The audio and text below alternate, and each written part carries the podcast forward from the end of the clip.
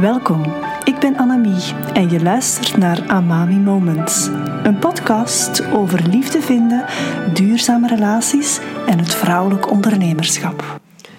Ik wil het vandaag nog eens hebben over een van mijn grootste stokpaardjes.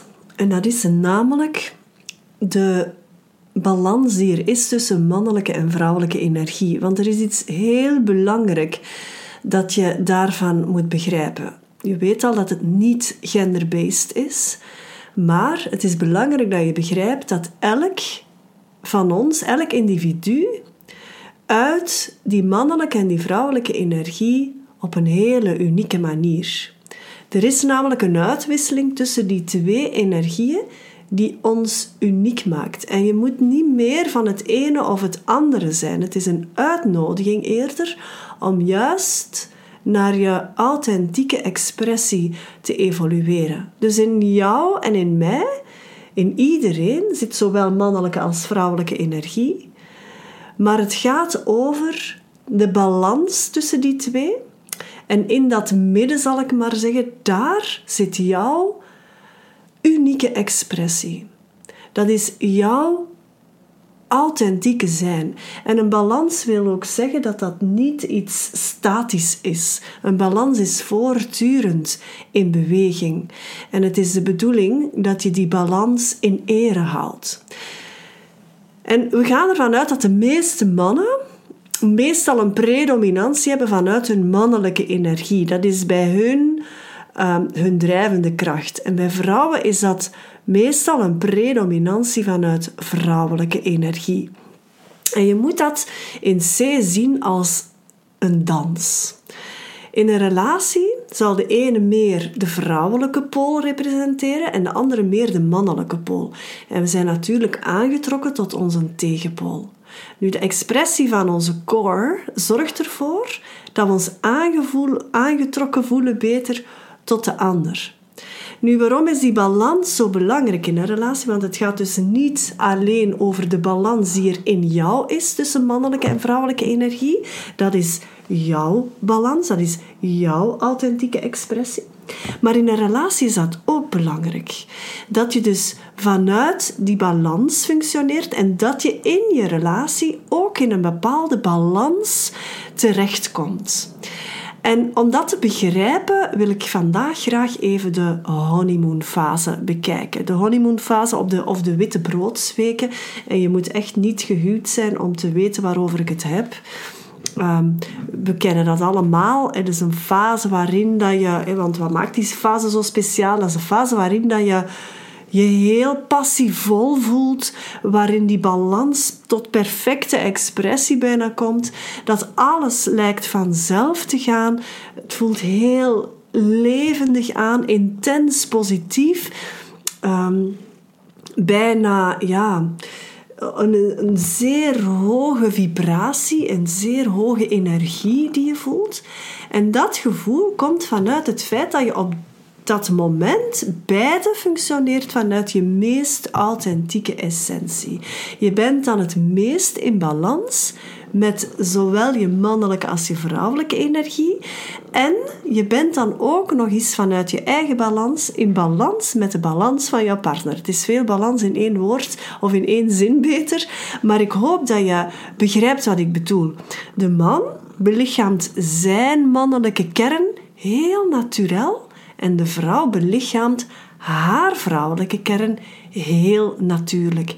En beide belichamen hun meest authentieke essentie.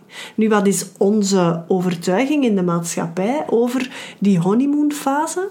Ja, dat is dat dat overgaat, dat dat van voorbijgaande aard is, dat dat ja, als nieuwe eraf is, dat dat er ja, niet meer is, dat dat voorbij is. En natuurlijk gaat de nieuwigheid vervagen en tien jaar samen zijn zal heel anders zijn dan uh, juist samen zijn. Maar, en dat komt uiteraard omdat relaties in stadia verlopen, maar de polariteit tussen die balans, dus tussen jouw balans en de balans van jouw liefdespartner, die kan je als het ware altijd blijven verdiepen. In elk moment van uw relatie, los van de fase waarin je je bevindt. En meestal gaat de passie, de polariteit, de liefde, die gaat wat verminderen. Er komt minder intensiteit, er gaat wat minder seks zijn, er is meer een broer-zus dynamiek, wat minder diepe momenten. En dat komt omdat onze schaduwkanten naar boven komen. Onze wonden komen naar boven, uh, misschien ook je limiterende gedachten, je angst om afgewezen te worden, het gevoel van niet goed genoeg te zijn. Maar je kan dus ook wel de diepte en de fase van die polariteit voortdurend blijven voeden als je dat wil. Het is niet normaal dat liefde verdwijnt, dat passie vermindert en dat de aantrekkingskracht uitdooft. Dat is niet normaal en toch geloven wij dat. Toch geloven we dat het vermindert, dat het verandert, dat het wat minder krachtig wordt. En normaal is het dat hoe langer je samen bent, hoe dieper de verbinding wordt, hoe beter je elkaar begrijpt, hoe sterker die polariteit jou in jouw authenticiteit brengt bij elkaar. En ik vergelijk dat wel eens met leren dansen. In het begin, ik heb dat nogal eens gebruikt, die vergelijking. In het begin heb je zo eerder het gevoel van, oh, ik moet hier op mijn tellen letten. Ik moet zien dat ik niet op de andere zijn tenen trap. En dat is heel invoelbaar. Maar stel je voor dat je al vijf of tien jaar naar de dansles gaat en hoe dat, dat dan gebeurt, dat dansen. Hè? Dan moet je niet meer op je tellen letten, dan moet je niet meer op je passen letten. Dan gaat dat als het ware vanuit een bepaalde flow. Dan gaat dat bijna vanzelf. En hoe meer en hoe langer dat je danst, hoe intenser dat je het kunt ervaren, hoe meer dat je in flow zit en hoe meer dat je bij wijze van spreken versmelt met elkaar. En is eigenlijk net hetzelfde met relaties waarbij je oog hebt voor die polariteit, voor het verdiepen van je relatie, voor het meer in flow komen van je relatie. Relaties worden niet saai. Maar onze wonden, onze schaduwkanten zitten gewoon in de weg. Je vraagt je af wat er scheelt, maar het zijn je schaduwkanten die minder polariteit gaan veroorzaken.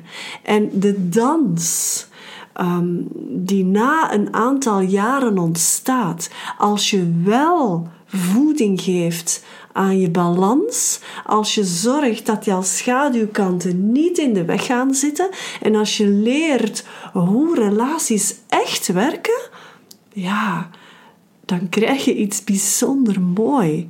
Dan gaat het alleen maar dieper worden, die liefde. Dus jouw taak is om jouw wonden te helen. En het effect van heling gaat ervoor zorgen dat liefde en polariteit blijft groeien. Dat dat steeds blijvend in een bepaalde verdieping gaat. En dat zelfs jouw aantrekkingskracht gaat versterkt worden naar elkaar toe. Uw wonden, dat kunnen limiterende gedachten zijn, dat kunnen trauma's zijn van vroeger, dat kunnen transgenerationele patronen zijn, ehm, dat kunnen maskers van machteloosheid zijn, die ja, getoond worden in de relatie. Ik denk aan perfectionisme, verslaving, kwaadheid, manipulatief gedrag, overemotioneel reageren, codependentie. En je kan ze nog wel een tijdje doorgaan. En de, de vraag is: wat is dat bij jou? Wat zorgt ervoor in jouw relatie dat je niet tot die verdieping komt? Dat je juist in een soort stagnatie komt, een soort kabbelend riviertje, waarin dat je helemaal niet meer weet hoe je uiteindelijk bij elkaar terecht bent gekomen. Dat je totaal voeling verliest met die honeymoonfase. En ik wil dat je echt oprecht gaat stilstaan bij je eigen schaduwkanten, want dat is het enige waar het enige echte startpunt dat jij zelf kan nemen. Natuurlijk, je kan ook als koppel samen aan de slag gaan. En dat doe je misschien nog beter als je relatie nog redelijk pril is, dan dat je wacht tot het te laat is. Dan dat je wacht tot het echt bijna helemaal over is, tot de rivier stopt met stromen. En dat is nu exact wat ik jou niet toewens.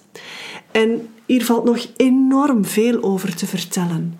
Maar ik heb er mijn missie van gemaakt om koppels juist te gaan helpen hun relatie te gaan verdiepen. Om ervoor te zorgen dat ze beiden vanuit hun eigen balans in een hele mooie balans komen, een polariteit komen, waarin ze elk een plaats innemen en waarin ze elkaar blijven zien voor wie ze werkelijk zijn.